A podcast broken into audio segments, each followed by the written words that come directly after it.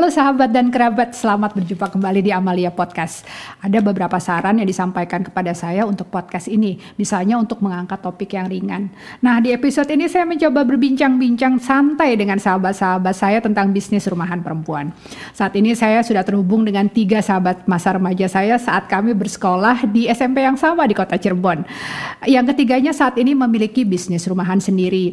Ada Rose Rahadini, pemilik catering rumahan Garlic Five dan juga pengusaha Bros, ada juga Tulus Tresna Dewi, pemilik Wi Masker dan jasa titip, serta Francisca Herina, pemilik Mamscik, produk olahan daging dan frozen foods. Bagaimana mereka menjalankan bisnis rumahan beserta suka duka dan aspirasi mereka tentang bisnis yang dijalani? Simak perbincangan kami berikut ini.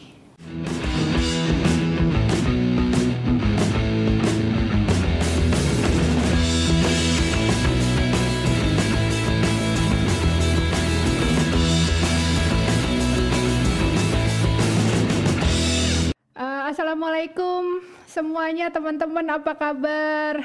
Apa kabar Siska, Rose dan Dewi? Aduh senangnya. Waalaikumsalam. Aduh.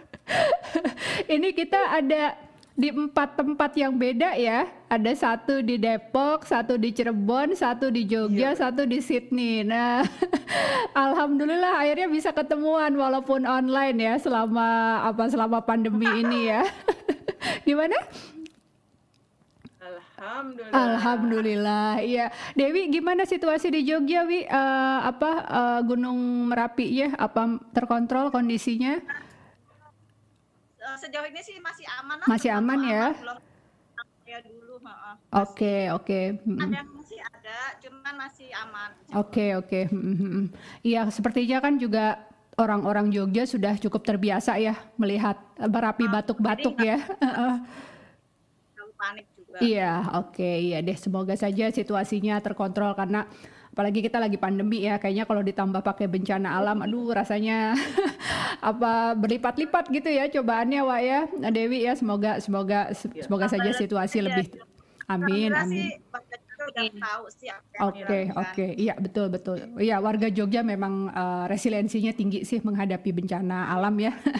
Oke nah jadi gini kan kemarin ada saran nih dari beberapa teman katanya Lia ayo dong uh, apa angkat topik yang santai katanya yang ringan. Nah, saya langsung kepikir buat undang teman-teman bertiga ini sahabat-sahabat masa remaja saya ya di SMP di Cirebon untuk bisa ngobrol-ngobrol tentang bisnis rumahan yang dijalankan oleh teman-teman semua.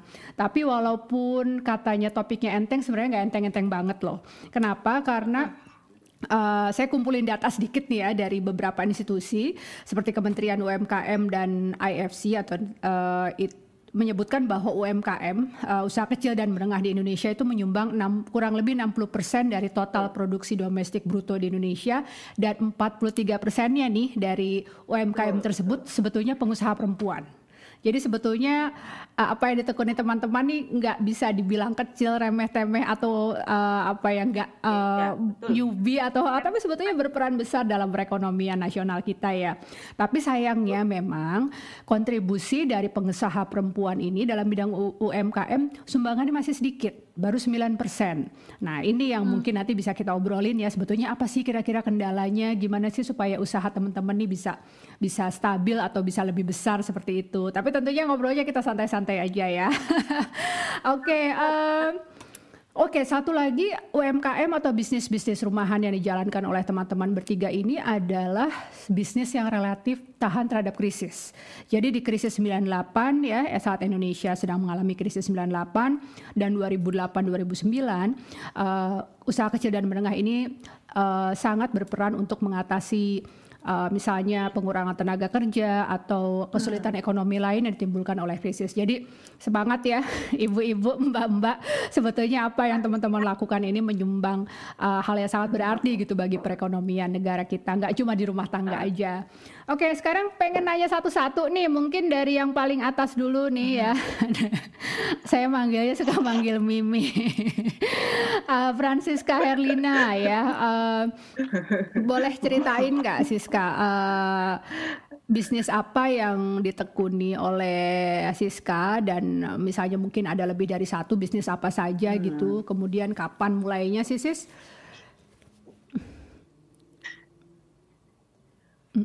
Ya, assalamualaikum. Aduh, terima kasih nih sebelumnya. Heeh. Eh, suaraku intinya bisnis ibu rumah tangga lah ya. Mm-mm. Itu mulai setelah aku berhenti kerja. Oke. Dari mulai jual baju, Mm-mm. coba jual batik, Oke. coba eh, apa ke ikutan MLM, mm-mm.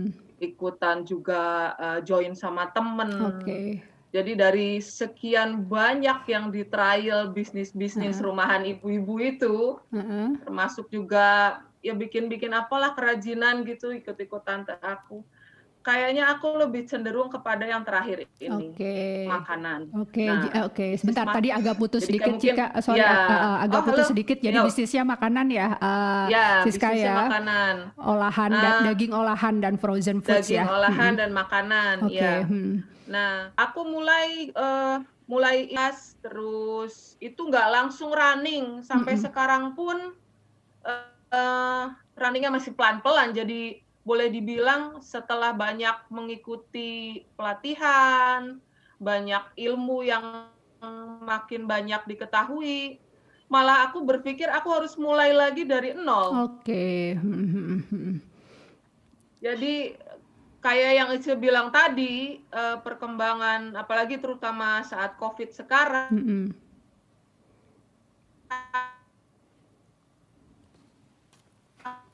ya, itu di ras pangan itu hampir eh, setengah departemen mungkin mencoba mengangkat UMKM. Oke, betul. Jadi di Hmm, hmm. kecamatanku juga aktif, heeh. jadi ada pelatihan terus secara online, training-training, muncul banyak eh, kayak apa ya, semacam grup-grup eh, yang mau mengembangkan UMKM.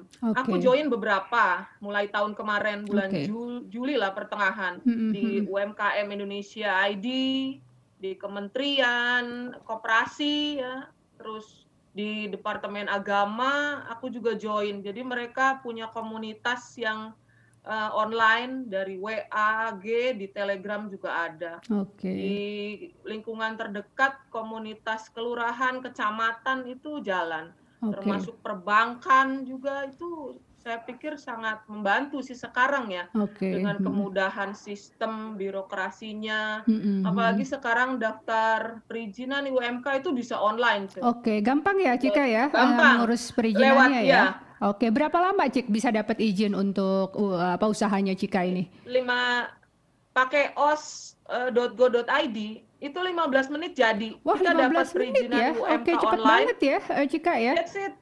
Oke. Cepet banget. Oke. Ya, tapi eh, basicnya eh, kita bisa mempertanggungjawabkan lah itu nantinya Oke, gitu. iya betul. Hmm, hmm, hmm. Oke, Nggak iya. ada langsung muncul perizinan UMK, nomor induk berusaha. Hmm, hmm. Eh, kalau izin komersial agak mesti repot sedikit sama eh, ada satu perizinan lagi eh, SS apa ya aku lupa ya dari Oke. tiga itulah itu sudah cukup lah buat modal Oke. awal ya. Heeh. Oke. Kemudian Jadi intinya kalau uh, uh, kita uh, sudah sudah Ya. pu- punya IUMK, Heeh. beberapa perbankan itu memberikan permodalan ringan Oke. dengan eh, dengan apa eh, bunga atau jasanya tuh kecil sekali rendah. Oke. Kalau DKI itu 7% flat Mm-mm. selama tiga Mm-mm, tahun. mm-mm, mm-mm, Bahkan setahu aku yang baru ini departemen eh, apa Kementerian Perekonomian itu koperasi ya itu yang kemarin dapat bantuan IUMK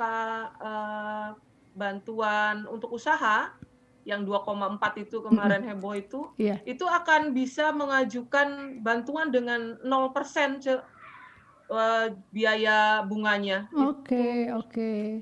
Jadi Siska sendiri Rencananya ngerasa sangat terbantu ya dengan banyaknya kemudahan terbantu. ini ya Cika Iya. ya.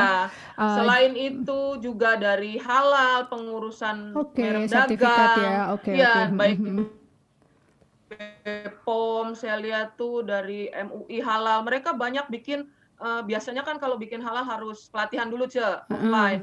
Terus nggak cukup satu hari kan, Oke. kadang ada yang tiga hari. Aha, Sekarang tuh hanya dalam satu hari dirangkum kita punya sertifikat pelatihan Oke, halal. wah uh, tentunya ini apa ya progres yang sangat baik ya uh, Cika ya. Saya sendiri uh, pernah mendengar memang bagaimana birokrasi untuk perizinan UMKM ini Ya. dipersingkat, tapi saya baru Betul. baru dengar nih cerita dari Cika bahwa luar biasa efisien sekarang bahkan uh, juga Betul. apa menyangkut ke kemudahan permodalan ya. Jadi bukan hanya Ya. dari apa uh, itu banyak ba- cukup banyak bank dan pihak-pihak yang terkait serta itu tadi satu yang penting juga ya untuk kita yaitu sertifikasi untuk kehalalan produk apalagi bisnis yang Cika tekuni adalah bisnis Ya. makanan. Nah, oke tadi agak ketinggalan sedikit saya agak lupa. Betul, Eh, kenapa betul. Cika memilih Selain bisnis itu, eh, karena- bisnis daging olahan ini Cik eh, dan frozen food apa pertimbangannya?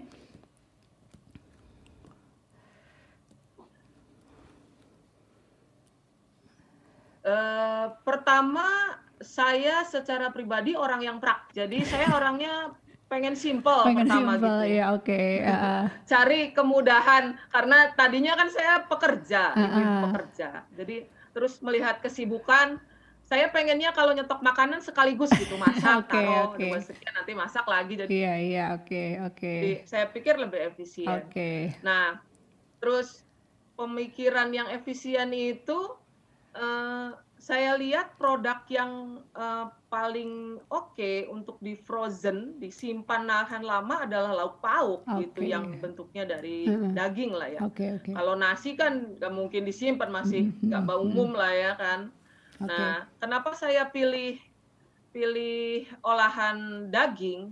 Karena eh, setelah disurvei kecil-kecilan, kalau bentuknya jadi nugget, pemainnya sudah banyak. Oke. iya. Kalau bentuknya eh, sosis juga udah ba- banyak perusahaan Mm-mm. besar yang bermain. Karena eh, bukan untuk yang kayak Eh, jadi orientasi bisnisnya udah mengarah pada kalau bisa dikembangkan jadi industri, kenapa tidak? Jadi kalau gitu. jadi ingin dikembangkan jadi industri gitu ya, seperti itu ya? Ya, mudah-mudahan sih. oke. Iya. Jadi kan eh, di sini juga kan sekarang kayak eh, marketplace ya, Mm-mm. platform marketplace itu Shopee, Bukalapak, fasilitas Instagram Oke, atau iya, iya. TikTok gitu ya. Mm-mm. Oke.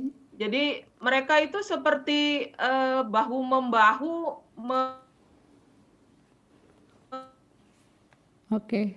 Mendorong usaha. Oke. membuat eh, bisnis tuh pelatihan-pelatihan yang aku ikutin ya sampai sekarang. Iya, oke oke oke. Iya, Eh, Terima kasih kemudahan- penjelasannya kemudahan. menarik Tinggal. Eh, eh. Gimana kitanya? Oke, oke. Heeh. Iya. Terutama tadi bahwa eh, pilihan Cika untuk eh, apa berbisnis daging olahan dan frozen food nih dari pengalaman pribadi ya. Kita perempuan yang sedang kepraktisan. Ini soalnya saya juga Ya, dulu mantan pengalaman kons- pribadi. iya, mantan konsumen produknya Cika nih. Dulu inget banget pagi-pagi tinggal buka kulkas udah ada dagingnya Cika tinggal ditambah sayur kan di oseng udah beres gitu ya Cika ya. Oke, terima kasih banget sharing ya Cik.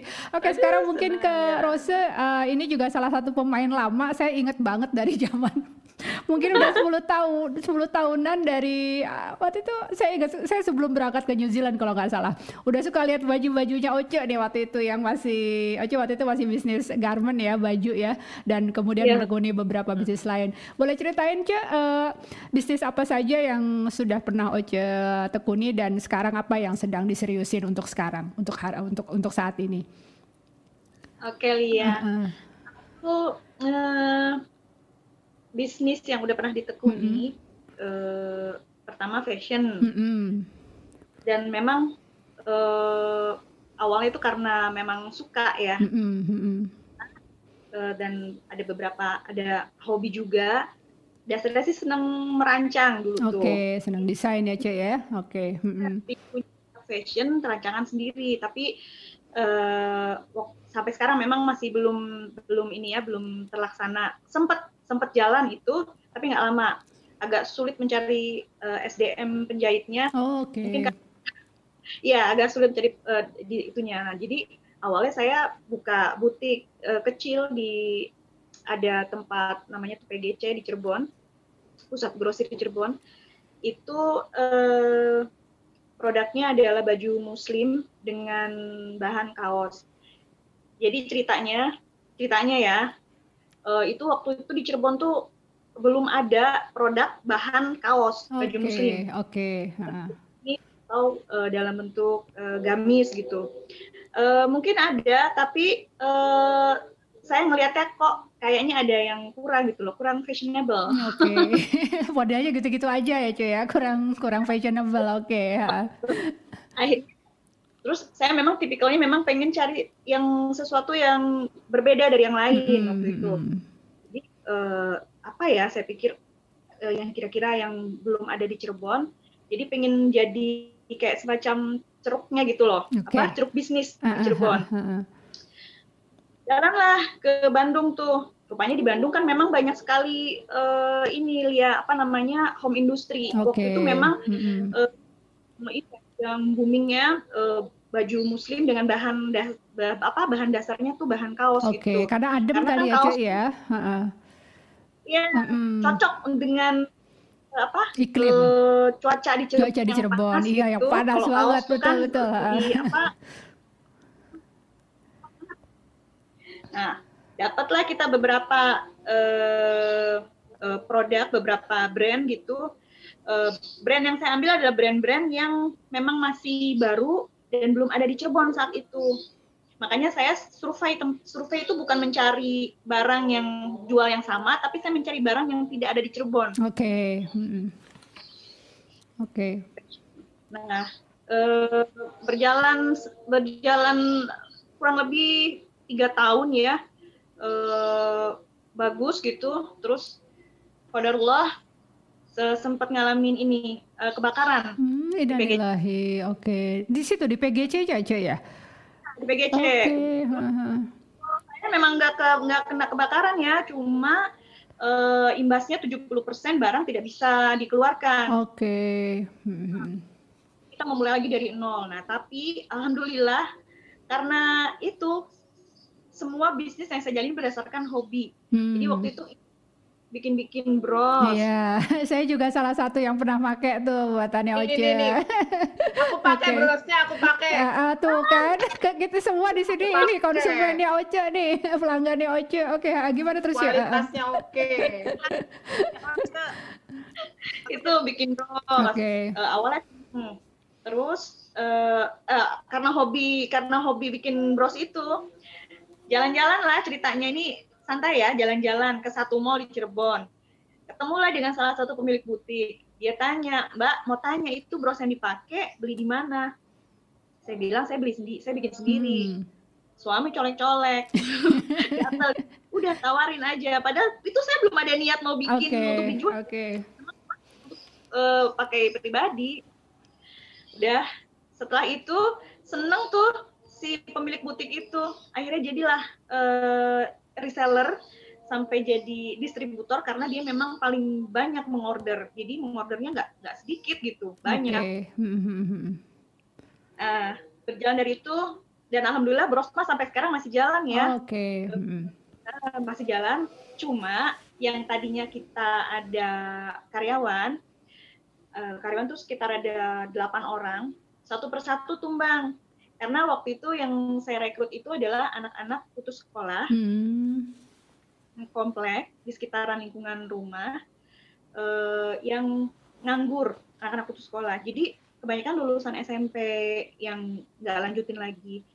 Di situ eh, seneng banget tuh di situ apa namanya eh, bener-bener ada challenge banget waktu ngerjain eh, apa eh, proyek bros itu karena saya ngajarin mereka dari nol sama Oke. sekali yang Hmm, hmm, hmm, sampai bisa sampai jago tapi satu persatu tumbang itu karena semuanya karyawan saya perempuan kalau perempuan kan Hmm, betul kamu- betul betul sekali ya ya. Hmm. akhirnya punya anak dan ya akhirnya stop gitu jadi tidak bisa cuma dulu saya sudah bilang kalian kerja di sini eh, saya kasih ilmu ini tolong nanti jangan dibuang percuma kamu di rumah bisa buat yang sama dengan yang ibu ajarkan di sini Eh, minimal eh, bisa apa namanya bisa jadi pemasukan buat kalian Hmm. juga nanti gitu Keren, keren.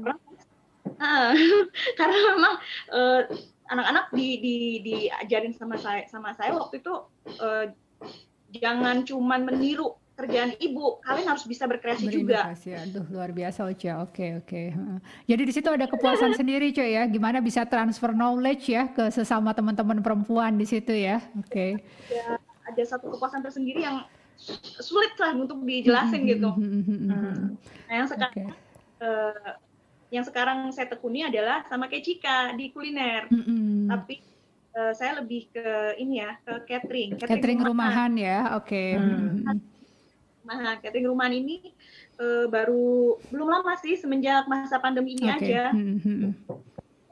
Adik-adik saya eh, akhirnya anak-anaknya daring semua. Jadi ibu-ibunya kan nggak pernah nganter anak sekolah tuh. Bilang gimana nih kalau misalnya kita bikin sesuatu karena kita kan di rumah terus ya betul. Di rumah terus Eh, terus teman-teman tapi teman-teman kalian nih eh, banyak ibu-ibu yang mungkin tidak ada waktu untuk memasak. Jadi kita bantulah mereka buat ini apa namanya Mm-mm. memenuhi kebutuhan makannya di rumah. Eh, kita yang kita yang siapin makanannya gitu. Oh boleh juga nih. Ah, ya udah sampai sekarang. Oke. jadi lo bikin kayak Oke oke. sebetulnya berlima li ya aku tuh bertiga perempuan semua tapi yang satu di Bandung jadi eh, yang di Cirebon aja kita usahanya oke. di Bandung paling hanya satu eh, pemasaran aja Oke, oke. Ya, Waduh, gitu deh. aduh, sem- senang senang banget dengar ceritanya Oce ya. Jadi hampir sama juga sama Cika sebetulnya. Jadi eh, memilih bisnisnya itu berdasarkan hobi ya kan. Di sini kalau Oce karena suka desain awalnya fashion terus ngerancang bros dan selanjutnya ini ya apa yang sekarang ditekuni mungkin ya itu tadi Oce bilang bahwa di antaranya dipengaruhi juga oleh pandemi. Orang-orang mungkin juga lebih banyak apa ya eh, ya intinya daripada pakai baju yang bagus gitu ya karena nggak ke mana-mana kan.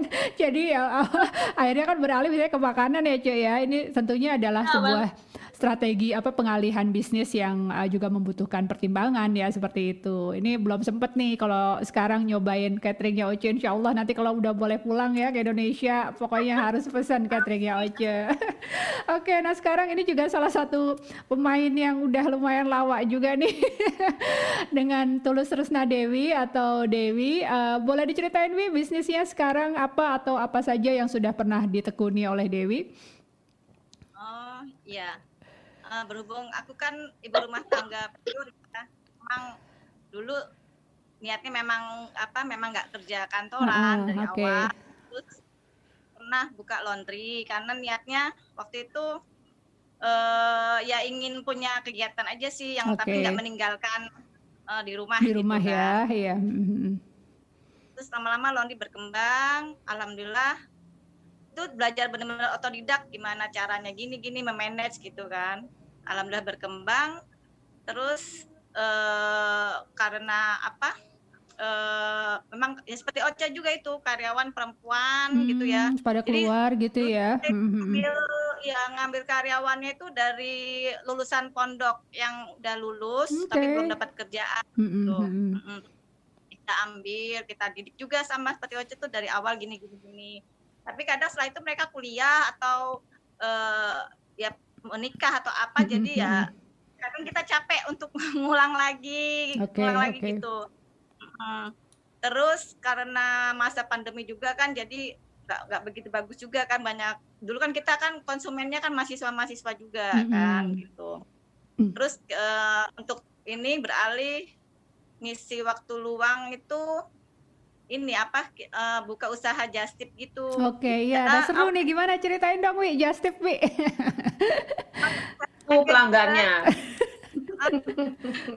awalnya tuh nemenin temen kan Oke. nemenin temen Eh, tahu kan ada brand gitu ya brand eh, tas rajut di Jogja itu yang Iya, oke, terkenal iya, sampai luar iya, betul. Mhm, mhm. itu waktu itu kan diskonnya besar terus pertama tuh nemenin temen aja gitu terus temen gini kenapa kamu nggak buka just tip gitu siapa tahu teman-temanmu di luar tuh banyak yang pengen beli tapi kan kesulitan Betul, gitu betul. kan Mhm, mhm. Pikir juga iya ya kayaknya mereka mungkin minat tapi kesulitan untuk beli yang diskon kan karena kan kalau yang diskon nggak seluruhnya ada di web di webnya gitu loh. Betul. Dan kalau kita langsung di tempat TKP tempat jualnya kan lebih enak milih-milihnya Iya, iya gitu. betul sekali ah. Niatnya tuh cuman pengen juga sih bantu teman-teman juga yang apa pengen beli tapi susah gitu Betul, kan. betul. ah, ah. Ya kita share aja di status gitu kan di Facebook, di IG gitu kan sama teman-teman di WA gitu status-status gitu. Alhamdulillah responnya lumayan gitu. Itu sebelum pandemi sih, Hmm. eh, sebelum ada pandemi gitu. Terus akhirnya merambah deh, ada yang mau nitip yang lain, nggak cuman brand itu atau mau nitip makanan atau bahkan nitip baju-baju daster di pasar di Hajo. ya. Daster seragam grup ya. akhirnya daripada mungkin belum sempat ke Jogja atau pengen Iya. pengen dasar khusus di Jogja atau apa kan kita bisa bantu gitu loh. Betul, betul. Jadi Iya. kan aku seneng aja gitu karena eh, nggak nggak nggak berat juga Heeh. sambil jalan-jalan Iya, gitu berasa kan. berasa berasa belanjaan sendiri ya, Wi ya. Nah tuh rasanya keren banget kan belanja di brand yang tas raja itu sampai juta-jutaan gitu kan. Waduh, Puas ya, we puas. orang Oke. kaya baru tuh beli banyak gitu kan sampai berdus-dus gitu. Ini salah satunya nih Mamcik juga pelanggan. Itu kok dikomporin itu aja, Oke. dikomporin gara-gara. Oke, eh, Dewi boleh nanya nggak? Ini kalau soal kayak pembayarannya, kalau just tip itu gimana? Apa harus transfer dulu atau Dewi nalangin dulu terus nanti bayar? ya, Mm-mm. kebetulan kan gini, aku kan juga buka website juga di Google ya, maksudnya ah, itu kan ada Wawa Just Tip tuh. Mm-mm. Itu kalau biasanya yang menghubungi kan bukan orang kenal ya. Oke, iya, nah itu tadi, mm-mm, betul. Nah, nah kalau bukan orang kenal kita minta di depan Oh, gitu I maksudnya see. eh, karena kita kita kasih tahu dulu misalnya ini segini segini Oke. eh, alamatnya kira-kira di mana eh, kita cek ongkir ya udah gitu Hmm, tapi kalau teman-teman dekat yang Oke. apa yang kenal eh, ya istilahnya kita fleksibel aja lah Oke, gitu oke, kan sama-sama saya mm. Kadang juga ada yang separuh dulu ada yang yang nyicil, oh ada yang oh, Sepuluh DP-nya kali. dulu gitu. 10 kali. poin ya tapi kan itu khusus khusus yang teman dekat Iya, Jadi, iya, oke, eh, oke. eh, yang selama aku enjoy dan aku percaya juga nggak masalah sih yang Oke. penting semua berjalan baik aja Oke, oke, oke, oke. Nah, sekarang juga lagi menekuni bisnis masker ya, Wi ya? Ah, nah ya itu itu juga lucu juga sih jadi awal pandemi kan juga semua kan di rumah ya Nah, kayaknya betul. tuh bisa ke mana-mana gitu kan terus yang, ke- yang kedua itu awalnya kan masker mahal banget ya Iya, Masker sempat langka juga ya. Ya. Mm, mm, mm. juga mahal dan susah dicari gitu. Ternyata kan ada eh, katanya boleh pakai masker kain Betul. asal berapa lapis gitu kan tiga lapis atau gimana ya udah awalnya saya bikin bikin itu keluarga sendiri aja sama teman-teman deket aja sih Mm, mm. terus lama-lama kok kenapa nggak dijual aja gitu terus saya terus aku tuh eh, pengen juga mengeksplor apa ya material dan maksudnya bahan Jogja kan kayak lurik, Betul, betul. batik Mm, gitu mm, kan. Kalian memperkenalkan eh, apa ya ini bahan-bahan Jogja nih bisa juga kok dibuat masker yang lucu gitu loh. Nggak cuman bahan katun atau apa gitu. Jadi ada khas yang eh, bisa aku tonjolin maskerku itu ya berbahan itu gitu. Nah, dari motif lurik gitu, lurik atau batik Oke. gitu. Hmm. Tapi kalau untuk request juga ya model yang lain nggak apa-apa. Cuman saya lebih fokusnya ke lurik gitu. Oke, iya saya sempat lihat sih, aduh kayaknya eh, jadinya apa khas banget ya tradisionalnya gitu dengan kekhasan luriknya itu sendiri. Nah, lurik itu kan lucu, maksudnya ceria. Jadi Iya, walaupun betul kita betul. tampil ceria lah Iya. gitu. Bahkan sudah sempat ada pesanan dari corporate ya, Wi ya, waktu itu yang saya dengar ya. Ya, ada dari kantor-kantor gitu Oke. sama komunitas. Gitu. Jadi mereka maunya dibordir kan Ha-ha. sesuai dengan korporat. Bahkan teman ada juga yang udah eh, ke Jepang tapi akunya belum. Oke. ada teman yang juga eh, eh, pesen juga gitu ya. Itu kan dari Facebook ya dari medsos ya. Jadi Mhm, mhm, mhm. alhamdulillah sih responnya bagus. Oke. Heeh. Ada ini untuk masker ini ada yang bantu juga Wi seperti pada saat lagi bisnis laundry? Gimana? Karyawan Ada yang ah, apa? ada yang membantu, ada karyawannya, ha? Eh, bantu paling ini yang di rumah aja motong-motong oke. gitu. Karena kan masih bisa terhandle Masih bisa terhandle ya? Oke oke. Mhm mhm. Mengurangi interaksi sama orang luar dulu deh. Masa pandemi gini kan, lebih Oke, baik iya kita betul sih, betul betul. Iya iya. Mhm mhm mhm. Oke. Oke. Sudah Ah. pernah ternyata luar biasa nih teman-teman saya ini sudah berapa kali berusaha menjalankan bisnis ya. Jadi gagal satu gitu karena ah, tidak atau tidak tidak tidak berlanjut satu bisnis kemudian mencoba untuk eh, mencoba bisnis yang lain. Nah, ini saya pikir sebuah poin apa ya? resiliensi ya. Jadi nggak berhenti gitu begitu bisnisnya terganggu tapi kemudian mencoba mencoba bisnis baru dan dengan peluang yang baru. Tapi tadi dari penjelasan eh, Cika dan Oce itu menarik juga ya bahwa eh, eh, apa sorry maaf maaf Dewi dan Oce itu punya karyawan perempuan tapi eh, selalu mendapat kendala karena mereka misalnya ya itu tadi ya harus lebih mendahulukan keluarga gitu kan sehingga nggak bisa Iya. nggak bisa lama gitu kerja di tempat Dewi dan Oce Eh, dan kemudian akhirnya berakibat bisnis Dewi dan Oce juga jadi agak sulit berkembang. Tapi tadi saya sangat mengapresiasi yang dilakukan Oce ya bahwa ya udah nggak apa-apa kalian keluar tapi tolong ilmu yang sudah dibagi dipertahankan bahkan mungkin dikembangkan untuk dijadikan supaya mereka bisa menjadi entrepreneur baru seperti itu ya Cek ya luar biasa ini. Eh, Dewi juga mungkin seperti itu ya karena beberapa alumni pondok mungkin mau kuliah atau uh, melanjutkan ke hal yang lain tapi mungkin mereka bisa udah dapet ilmunya nih ilmu gimana uh, uh, menjalankan bisnis laundry dari Dewi ya. Jadi mungkin suatu saat mereka tertarik mereka bisa punya uh, bekal untuk itu. Nah ini memang sesuatu hal yang di ditekankan. Ada saya apa membaca salah satu laporan gitu ya. Eh, karena gini katanya kalau pengusaha perempuan itu biasanya sebagian besar itu eh, apa ya motivasinya karena butuh gitu untuk bekerja yaitu tadi untuk menambah penghasilan keluarga gitu ya atau untuk menambah uang saku jadi tidak menjadi alasan utama. Nah ini mungkin yang terlihat dari karyawan-karyawan yang membantu Rose dan Dewi gitu. Nah akhirnya begitu tuntutan keluarga itu mengharuskan mereka berhenti bekerja gitu ya ya sudah gitu kan berhenti. Nah ini yang memang sebuah tantangan ya yang dihadapi oleh para pengusaha perempuan Indonesia seperti itu. Sekarang gini nih ya, kita kan eh, dari satu grup dari satu grup WA yang sangat ramai itu ya ngobrol-ngobrolnya nih dan dari persahabatan sewaktu kita bersama-sama sekolah di SMP. Eh, ada beberapa yang SMA-nya sama atau bahkan kuliahnya sama. Nah, poin saya di sini adalah eh, bagaimana jaringan pertemanan ini juga ikut membantu bisnis teman-teman semua gitu. Eh, dan juga mungkin dikaitkan juga dengan peran sosial media ya, karena kan eh, ini sangat membantu untuk upaya promosi. Nah, gimana kalau menurut Cika gimana nih Cik eh, peran teman-teman yang kadang berisik banget nih, berisik-berisik sayang terhadap Aduh. bisnisnya Cika dan juga bisnis teman-teman yang lain. Aku kalau soal bisnis dan pertemanan, pertemanan itu is the best. Oke. Itu aku nothing lah without teman kalau untuk bisnis ya. Oke, bentuk bantuan apa sih atau dukungan apa yang Cika rasakan banget dari teman-teman selama ini dalam menjalankan bisnis Cik misalnya?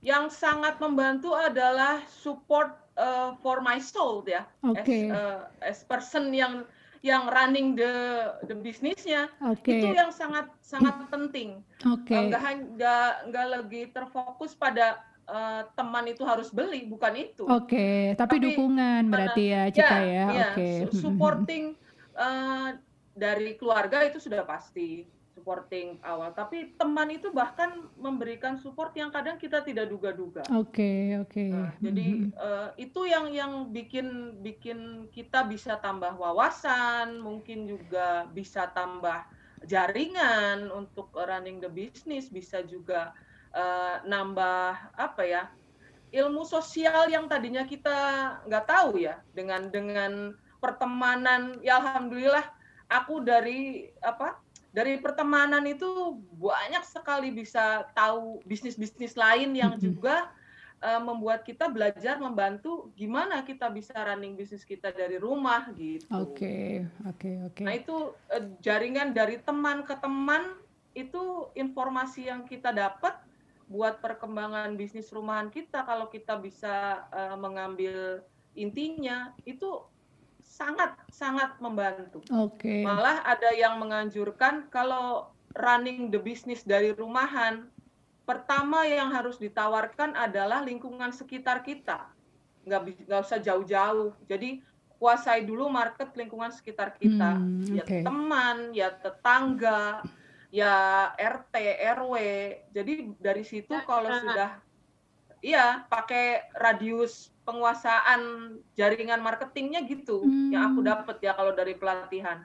Oke. Karena COVID aja ini kita bisa running eh, apa eksis di platform yang online ya. Kalau sebelumnya kan tanpa ada sistem online kita bergaulnya di sekolahan sama teman-teman lingkungan ibu-ibu di arisan betul betul. Hmm. di di lingkungan yang mungkin juga RT, RW gitu. Pelatihan-pelatihan offline, teman-temannya kan lingkungan itu. Atau mungkin kalau kita ikut seminar di mana kan suggest-nya kita harus kenal satu sama lain tuh, Cel. Nah, itu kan menambah jaringan bisnis. Nah, kalau sekarang eh, pertemanan secara online itu juga banyak pengaruhnya Hmm. karena eh, dari kita bisa berteman dengan baik, supporting selain untuk soul si running the business, support untuk bisa membantu eh, apa men-share informasi tentang bisnis kita tuh akan lebih mudah dan lebih terpercaya dari jaringan teman-teman Oke, kita iya, gitu. iya. Oke, Itu wah menarik penting ya. itu. Oke, menarik sekali Iya. poinnya Cika ya bahwa itu tadi ada perbedaan gitu ya saat sebelum dan sudah Iya. pandemi di mana pas Iya. lagi pandemi semuanya online justru teman-teman yang agak jauh nih kan yang radiusnya bukan Iya. bukan level tetangga Bukan. atau level teman Iya. arisan justru malah bisa berperan apa lebih banyak gitu ya untuk promosi Betul. produk kita selain tadi yang Cika, tek- Cika tekankan support. Betul. Ya mungkin seperti semangat ucapan ayo semangat Oh. terus gitu apresiasi itu Betul. ternyata sudah sangat membesarkan hati ya Cika ya. Betul, Oke. sangat sangat. Oke, sip sip. Oke, kalau Oce gimana Cek soal gimana pengaruh pertemanan nih terhadap bisnis bisnis yang dijalankan Oce nih? Oh, banget. Banget ya. Sama-sama. Apalagi apalagi eh, aku kan emang nggak sendiri ya di bisnis catering yang lagi jalanin itu kan kita berempat tuh. Oke. Adik-adik semua masing-masing punya jaringan, punya koneksi teman-teman yang berbeda gitu. Nah, itu eh, apa? sangat membantu sekali ya. Jadi media promosi gratis dengan pertemanan itu. Hmm. Jadi dengan satu orang tahu makanan kita, terus enak banget gitu yang apa bisa mempromosikan dari mulut ke mulut, akhirnya bisa tahu dan akhirnya sampai punya pelanggan yang kita tuh nggak kenal sama sekali. Oke, tidak cuma eh, itu ya Ya. karena berproses ya dari mulut ke mulut Iya. itu ya. Oke, ke mulut gitu. Eh ini loh di sini ada ini loh gini gini gini. Sama aja seperti kita juga tahu ada ada informasi si A jualan apa jualan Oke, apa iya, dari, dari mana ya itu sangat membantu sekali itu. Oke, oke. Oke, kalau Wawa, eh, Dewi gimana Wi? Suka kebiasaan nih manggilnya Wawa nih. Panggilan sayang yang- di grup ya. Panggilan sayang gitu ya. Oke, Kalau ya. lagi beda lagi Elwi ya. Iya, benar banget kata teman-teman. Memang untuk bisnis rumahan kayak gini, em, pertemanan itu sangat mendukung banget, mensupport banget.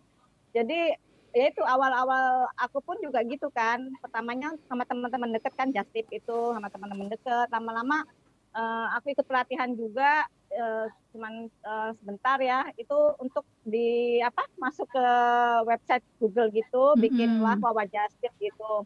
Terus eh ya selama ini apa ya menurut aku tuh untuk ya kayak kayak aku bikin masker ditanya kan aku posting di Facebook itu ada teman-teman yang nggak kenal maksudnya orang yang nggak aku kenal sebelumnya pun eh apa ya namanya tertarik kan akhirnya menambah pertemanan gitu loh Oke. seneng kan jadi Mhm. di luar eh, orang yang dari Makassar, orang yang dari Lombok yang belum pernah ketemu sama sekali itu akhirnya berteman baik gitu sampai sering WA maksudnya untuk ya kadang pesen yang lain gitu nggak cuma masker atau apa kadang kayak eh, rempah-rempah di Jogja kayak wedang uwu wedang yang di sana nggak ada Gitu, jadi aku tuh eh, nerim apa eh, welcome aja apa yang mereka pesen gitu aku terima selama aku masih bisa gitu bantu mereka untuk membelikan itu gitu Oke, oke. Dan itu, oke. Eh, bener-bener mensupport lah apalagi teman-teman deket ya cuma support banget tuh apa eh, market terbesar juga kan teman-teman dekat itu teman-teman dekat itu benar-benar. Benar-benar. Oke, nah tadi Dewi udah sempat nyinggung soal Facebook sih. Nah ini tadi saya agak lupa nih eh, menggali pertanyaan ini. Jadi kalau kemudian fungsi sosial media juga pen- eh, besar ya, eh, Wi ya, dan teman-teman lain ya untuk promosi produk Kita- ini ya. Oke. Iya. Mm-mm. Kebetulan, kebetulan kan eh, eh, saya banyak teman-teman dari Walsan dari eh, apa wali santri luar Jaw- Jawa ya. Itu jadi kan berteman di Facebook kan. Nah itu walaupun kita nggak pernah ketemu, nggak pernah apa, tapi lewat itu kan mereka kenal gitu dan Oke. mereka percaya gitu. loh. Jadi tenang aja gitu. Membantu Oke. juga. Oke. De- eh, ada eh, Dewi punya apa akun sosial media khusus untuk bisnis-bisnis ini, Wi? Berarti buat masker gitu atau just Kalau tipnya? masker ada, Oke. eh, masker ada. Untuk jasip kan pakainya masih website itu. Oh, oke. Pak. Oh ya tadi ya pakai website. Oke. Hmm, hmm, hmm. Oke. Oke, kalau Kalau Oce gimana, Cek? Eh, gimana peran sosmed ini untuk mempromosikan bisnis? Oh, banget. Banget ya. Sama waktu kalau sekarang yang di kalau yang catering sekarang memang lebih banyak ke eh, lokal ya. Mm-mm. Eh, kita nah, produknya kan produk makanan rumahan, makanan yang eh, bukan frozen food seperti Mm-mm. Cika yang bisa kita Mm-mm. Eh, jadi kalau untuk catering ini memang hanya untuk eh, wilayah eh, dalam kota Cirebon dan kebanyakan memang pelanggannya adalah teman-teman dekat dari eh, dari kita berempat Mm-mm, gitu. mm-mm, mm-mm. Eh, walaupun ada tidak masih belum banyak yang tahu dan memang kita juga membatasi eh, eh, apa eh, produksi karena waktu dan eh, tempat yang memang masih belum bisa membuat dalam porsi yang besar jadi eh, masih untuk lokal kalau bros itu alhamdulillah ya produk aku tuh dari eh, dari medsos terutama Facebook dan eh, Instagram itu udah bisa sudah pernah kirim sampai ke luar negeri juga Aduh, alhamdulillah. Oke. Hmm, hmm, hmm. alhamdulillah itu orang yang saya nggak kenal sama sekali nah tahu-tahu tahu aja gitu Eh, dia order dan alhamdulillah ya sampai sekarang eh, masih ada beberapa yang eh, tetap eh, loyal. Walaupun mungkin karena sekarang sejak pandemik ini terutama ya orang lebih banyak tinggal di rumah daripada berjalan-jalan jadi eh, pikir mungkin pakai bros di rumah aja ngapain gitu. Buat buat zoom buat zoom. Jadi eh, brosnya Iya, beda-beda kayak ya. Kayak aku, oke. Beberapa pelanggan aku, aku juga bilang semenjak pandemi itu nggak begitu gencar untuk eh, membuat produk baru Iya. Eh, belum belum tidak juga ke beberapa reseller-reseller yang masih eh, Mm. apa loyal. Karena satu hal yaitu karena saya pikir kayaknya orang lebih jarang jalan-jalan ya sekarang jarang ada acara arisan atau apa gitu. Jadi nggak begitu membutuhkan oke. eh, apa fashion gitu itu Oke. lebih banyak di rumah tapi mereka suka bilang mbak kenapa kok nggak bikin lagi sih nggak apa-apa masih bisa tetap dandan di zoom katanya oh iya ya benar juga ya iya oke iya iya thank you Cik kalau Cika gimana Cik kalau aku udah pasti Udah kayaknya. pasti ya, oke. Aku satu sisi tuntutan. Kemarin itu waktu ikut pelatihan yang lumayan keren lah pokoknya. Aku bakalan suggest tuh ke itu namanya websitenya Woman We Learn. We Learn itu isinya woman kalau digali, learn ya oke Ya. Hmm. eh, itu eh, bisa buat kita running bisnis pengetahuannya lengkap di situ. Oke, termasuk sosial Nah. media itu ya, menggunakan Ya, sosmed jadi untuk promosi. Oke. tahu juga walaupun hanya uh, media sosial media sedikit ya. Jadi aku dipaksa untuk buat uh, semua platform yang penting dari Google Map, Oke. Google Business, uh, WhatsApp, WhatsApp Business, Bisnis, ya. Instagram, Facebook, terus marketplace, marketplace yang punya rank bagus sebaiknya disuggest sama mereka untuk bisa kita punya toko online di situ. Oke. Ya, hmm. itu betul-betul apa membantu lah ya.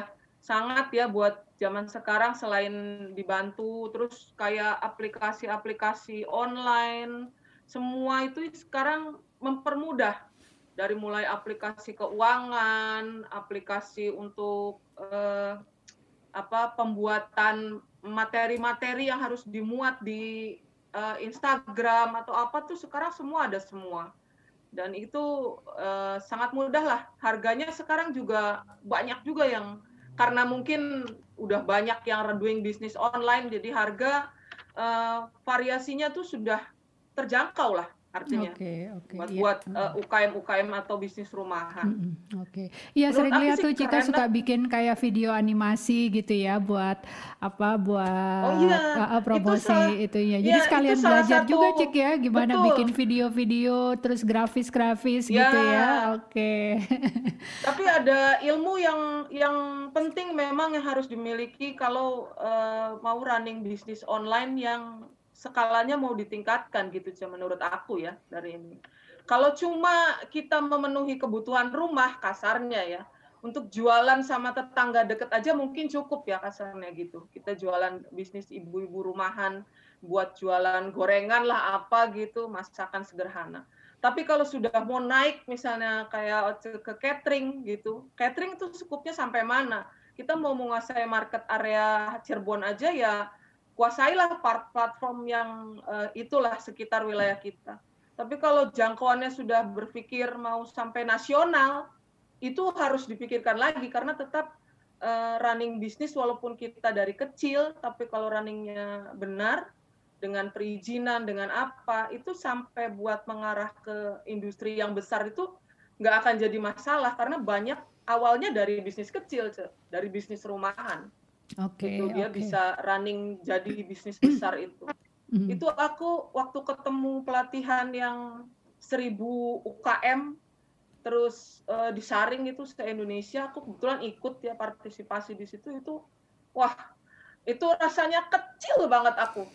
Karena mereka tuh doing bisnis dari rumah tapi skalanya nasional itu okay. banyak sekali dan mereka sekarang dipacu oleh pemerintah untuk bisa masuk skala Asia. Hmm, okay, Kayak okay. Shopee itu, Shopee itu tahun ini rencananya jadi uh, e-commerce Asia di tujuh negara. Hmm, Bayangin, jadi persaingan persaingan UKM walaupun kayak kita ini apa kayak Cetulus itu ya, Just Tip itu atau bikin masker karya pakai craft itu bisa menjangkau Asia itu jadi okay. udah bukan main-main. Memang pemerintah punya punya program yang kalau menurut aku ya itu sangat gila-gilaan memang untuk IKM. Untuk iya, bahkan iya, Amazon IKM, ya. Amazon tahun ini masuk ke Indonesia. Okay. Dia punya punya uh, official representatif.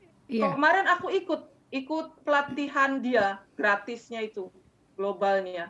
Isinya orang-orang Amazon belum lagi jadi punya, Amazon juga ya, mendukung produk-produk ya, UKM Indonesia ya untuk ya, pemasarannya ya, sekarang, nanti ya oke okay. iya dia dia menghit UKM Asia oke okay. itu Wah, itu keren ya. banget deh pokoknya sekarang jadi okay. kayak setulus serasa open minded pokoknya uh, inilah kita berusaha punya target yang lebih besar lah. Waduh, Cika keren, hebat gua, banget udah. jadi udah ini, cocok jadi duta UKM ah, Indonesia. Ah, kebanyakan pelatihan kayaknya okay. gue. iya, terima kasih banget ini ya suntikan semangatnya Cika ya. Tapi mungkin mm -hmm. memang beberapa dari kita uh, punya kondisi yang berbeda kali ya dan iya, mungkin betul, uh, betul. gitu apakah ingin apa uh, skalanya dibesarkan skalanya, sampai mana ya, gitu kan atau mana, mungkin ada kondisi tertentu yang kita milih ya sudah gitu kan di apa mungkin di scope ini aja gitu dan tapi ya, apa pun ya. pilihannya menurut saya bagaimana teman-teman ini sudah berani untuk mulai sebuah bisnis karena saya aja belum pernah nih ya saya selalu amazed sama teman-teman semua yang udah udah udah udah bisa punya bisnis dan mudah-mudahan jadi ya. motivasi saya untuk someday saya bisa mulai bisnis juga ya jadi entrepreneur hebat seperti teman-teman semua ini. Ini yang terakhir banget buat nutup uh, bincang-bincang kita. Uh, mungkin ada ini enggak sih kayak aspirasi dari teman-teman ya? Maksudnya apakah ingin bisnisnya itu berkembang gitu ya? Atau uh, per, apa yang dibutuhkan gitu? Apakah itu tadi kalau Cika kan misalnya rajin banget ikut pelatihan ya untuk apa ada aspirasi lain keinginan lain gitu untuk bisnisnya? Atau misalnya ya hal-hal lain yang diharapkan dari pemerintah dari atau pihak-pihak lain? Gimana nih? Uh, kalau buat Dewi gimana Wi? kalau menurut aku sih mungkin ke depan pengennya sih kan uh, mas masker itu kan nggak maksudnya eh, ya, memang booming saat pandemi ya. tapi nggak oke, iya iya iya. Nah, apa yang bisa mungkin ya jangkauannya lebih luas gitu kata Cecika itu bener sih Eh, apalagi didukung dengan banyak ini ya apa fasilitas-fasilitas aplikasi yang membuat kita lebih bisa keluar lah pengennya seperti itu sih Oke, jadi oke. lebih mengeksplor kita juga untuk lebih berani menghasilkan sesuatu lah Oke, iya iya. Oke, bagus. Eh, thank you banget, Wi. Apalagi tadi Dewi punya kekhasan tuh bikin maskernya eh, motif lurik ya. Mungkin bisa nanti dengan produk-produk lain kalau masker eh, demand-nya sudah tidak sebesar sekarang, misalnya kayak gitu, Wi ya. Oke. Kalau Oce gimana, Ce? Ke depan nih mau apa eh, mengembangkan bisnis cateringnya atau gimana? Ya, untuk bisnis catering ini sih eh, karena memang masih baru ceprot banget Iya. ya, baru berjalan semenjak masa pandemi ini. Mm-mm. Dan memang eh, awalnya itu memang karena kita berempat di rumah saja, tapi kok kayaknya nggak enak kalau begini-begini aja gitu. Mm-mm. Eh, ini perempuan nih walaupun di rumah tetap harus bisa menghasilkan gitu. Betul, betul, Ce. Eh, itu aja. Nah, terus sekarang eh, memang lagi sudah eh, sedang mau dibuat untuk masuk ke eh, GoFood, Oke, iya iya. Mm-mm. Go- masuk melalui GoFood. Karena itu tadi Cika, eh, karena kita catering, kalau catering rumahan kan memang eh, skupnya memang lebih ke lokal ya. Mm-mm. Ya.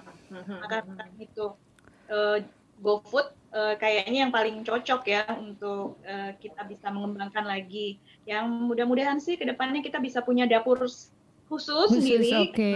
Mm. dapur rumah yang dapur yang ada di rumah saja. Iya. Jadi sangat terbatas sekali ya untuk memproduksi apa-apa dengan peralatan yang Oke, iya. seadanya. Ya. Mungkin ini kali ya satu yang saya eh, lihat dari Oce kan Oce passionate banget sama healthy lifestyle gitu. Kalau nanti mungkin cateringnya Oce bisa apa ya Ya. dengan nilai tambah Ah, ah, food. gitu ya Healthy produknya food. segar, organik. Wah itu mungkin bisa apa bisa menjangkau pasar yang lebih luas atau justru kan ada beberapa orang yang memang sangat sangat ingin supaya apa yang di- Hmm. mereka makan itu sehat gitu ya Cuy ya. Luar biasa banget nih. Dan kita yang minta misalnya kayak, eh, Mam bisa nggak sih kalau misalnya bikin opor misalnya, opornya saya minta jangan pakai santan ya, Oh, Oke, kalau iya iya iya. Mm, mm, mm, eh, eh, yang eh, yang bukan bahan dari bahan santan gitu. mm, mm. Saya pikir oh, supaya ya, lebih nih, sehat ya. Mm, mm. Nah, ada juga gitu, ada ke- eh, kepikiran ke sana juga. Tapi untuk saat ini eh, karena memang masih eh, umum ya, jadi belum Mm-mm.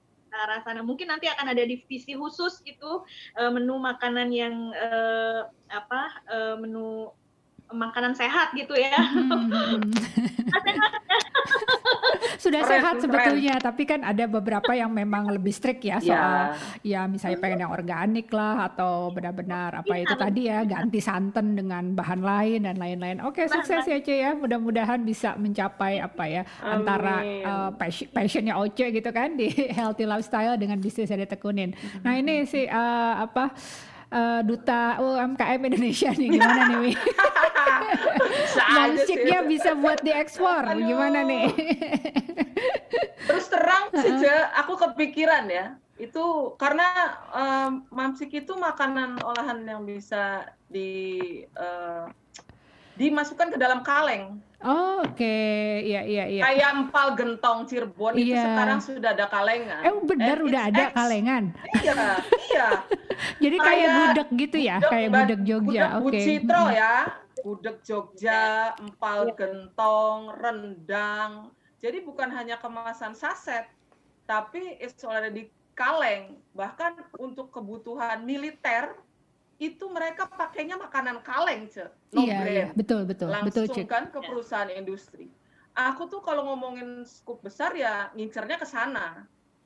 Jadi eh, dan lifestyle-nya itu mungkin untuk kembali ke pasar normal itu prosentasenya kecil, Cek. Hmm, Karena orang akan semakin terbiasa masuk market online oke. gitu. Jadi fasilitas eh, bisnis online tuh nggak akan berhenti Mm-mm, walaupun setelah COVID. Itu itu bukan aku yang bilang ya. Mm-mm, Itu mm. pakar-pakar dan para para pengusaha yang ngomong itu. Bahkan kemarin aku ikut pelatihan Andi F. Noya aja juga bilang seperti itu karena market market uh, online itu akan terus berjalan. Oke. Okay, Jadi okay. kalau aku ditanya aku mau sampai mana, kalau bisa sampai titik uh, teratas, kenapa enggak gitu? Karena fokusnya produk aku bisa sampai sana. Kalau okay. jangkauannya aku taruh targetnya di tengah misalnya, oke okay, sampai sampai Indonesia aja gitu.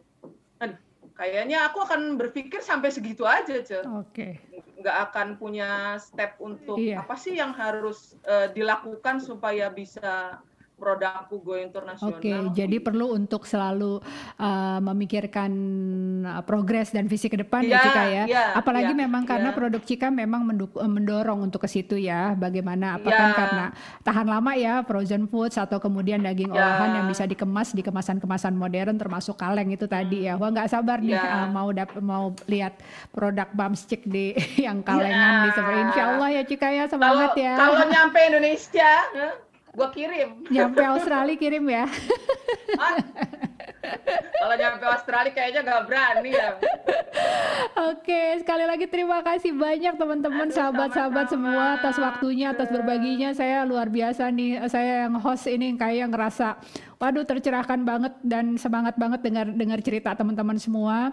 Uh, semangat ya untuk menjalankan uh, bisnis teman-teman semua. Pasti akan banyak kendala, pasti akan banyak dinamikanya. Tapi melihat kesungguhan teman-teman yang sudah memulai bisnis ini dari bertahun-tahun yang lalu, saya yakin insya Allah teman-teman tetap semangat ya menjalankan bisnis ini walaupun sedang Amin. dalam masa pandemi Amin. ya. Bahkan bisa melihat masa pandemi ini seba sebetulnya sebagai sebuah peluang bagi bisnis Betul. yang baru ya Betul. ya atau inovasi-inovasi lain. Salam buat seluruh ya. buat keluarga di rumah ya uh, terutama buat Dewi ini di Jogja Merapi lagi batuk-batuk. Semoga uh, semua ya. apa aman ya Dewi ya. Juga yang di Depok uh, Cika dan uh, Oce yang di lagi di tanah kelahiran kita. Di homelandnya kita nih hometown kita di Cirebon ya. Semoga selalu sehat dan uh, apa namanya uh, ya dalam kondisi baik-baik semua bersama keluarga uh, terima kasih sekali lagi assalamualaikum warahmatullahi wabarakatuh Waalaikumsalam warahmatullahi wabarakatuh. Nah. Eh.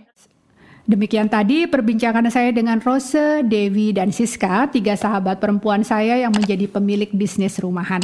Simak terus Amalia Podcast dan subscribe untuk mendapatkan episode baru dan menarik lainnya. Salam sehat, tetap semangat. Thank you.